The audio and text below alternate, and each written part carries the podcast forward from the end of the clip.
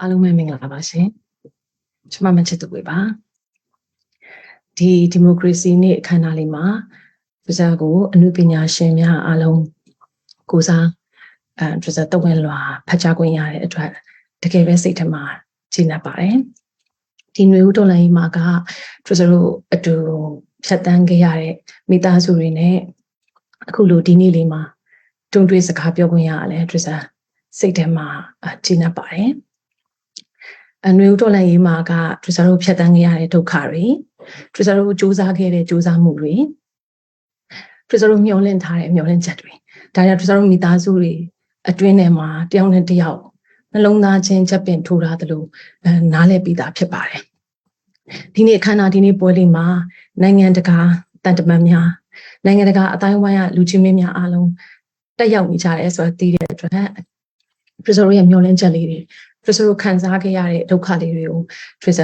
English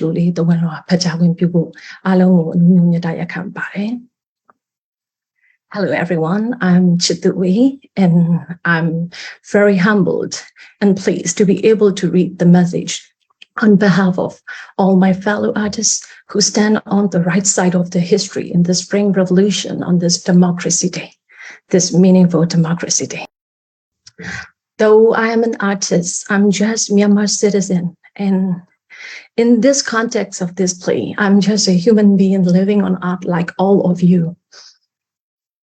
So, like all of you, I value human rights. Human rights and democracy are never been, never been apart. Visionary world leaders, peacemakers modify human rights with systems and we all like to believe that all human beings must have their rights equally, no matter what their demographic backgrounds are. But this is not the reality.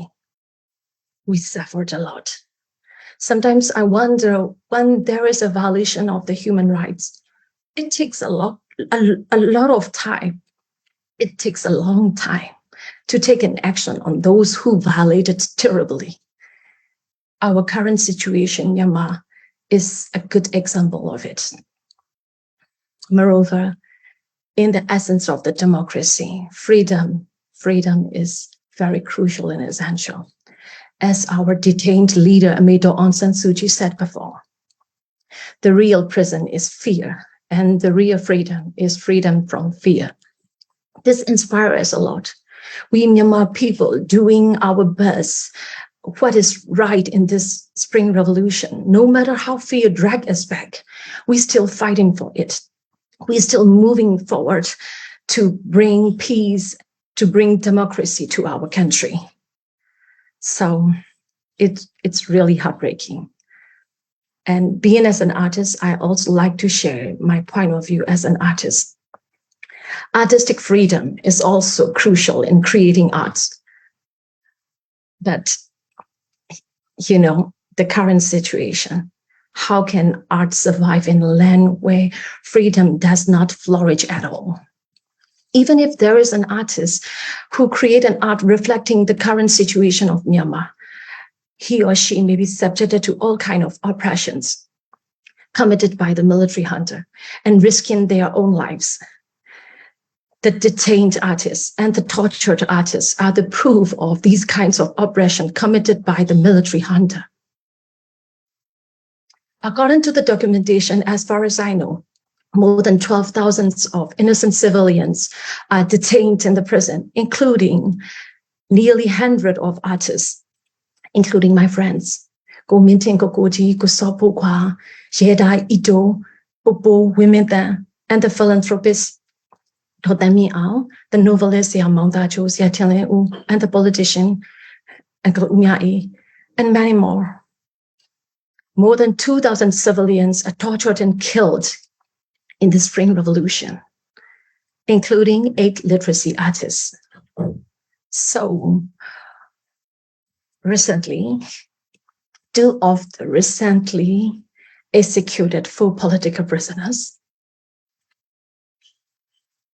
Jimmy and They are not only the politician, they are also the artists who loved and respected by the people.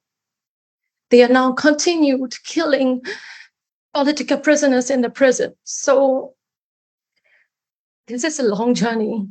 This in this spring revolution, we lost our family member.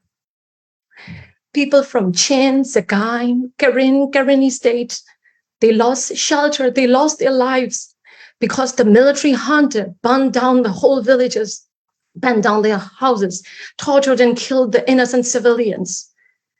I am a mom of two. I love my kids. And I also love all the children. I want all the children around the world to feel safe, sound, and free from all violations. Now, children from those places live in fear from all the cruel violations today and live with trauma. They have to deal with many years ahead. So it, it's really heartbreaking. We Myanmar people did our very best to bring back our rights and democracy. We have been proven that we deserve the democracy. It is very urgent and crucial for all of us to end the military culture and to stop the military junta from committing all the crimes and violating all the rights of our Myanmar people. So we desperately need to develop a culture that really value human rights and democracy. I don't know why it takes for us to get help. So please, brothers and sisters around the world, please help us. Please help us now more than before. I don't know, sometimes I wonder how many lives need to be tortured more, how many lives need to be killed more, and how many children have to lose their future, their dream, their precious childhood more, and how many parents need to lose their family members to take an effective action on those who terribly violated the rights, the human rights. I've learned what John Stuart Mill once said. The only thing necessary for the triumph of the evil is for the good man to do nothing. So we Myanmar people did our very best and fighting to get back our rights. So we need all the good men around the world to help us, to stay with us in this spring revolution and showing the world that there is no place for violation. There is no place for military junta who threaten the civilians with the weapon. There is, there is no place for cruelty, all the violations. So please stay with us.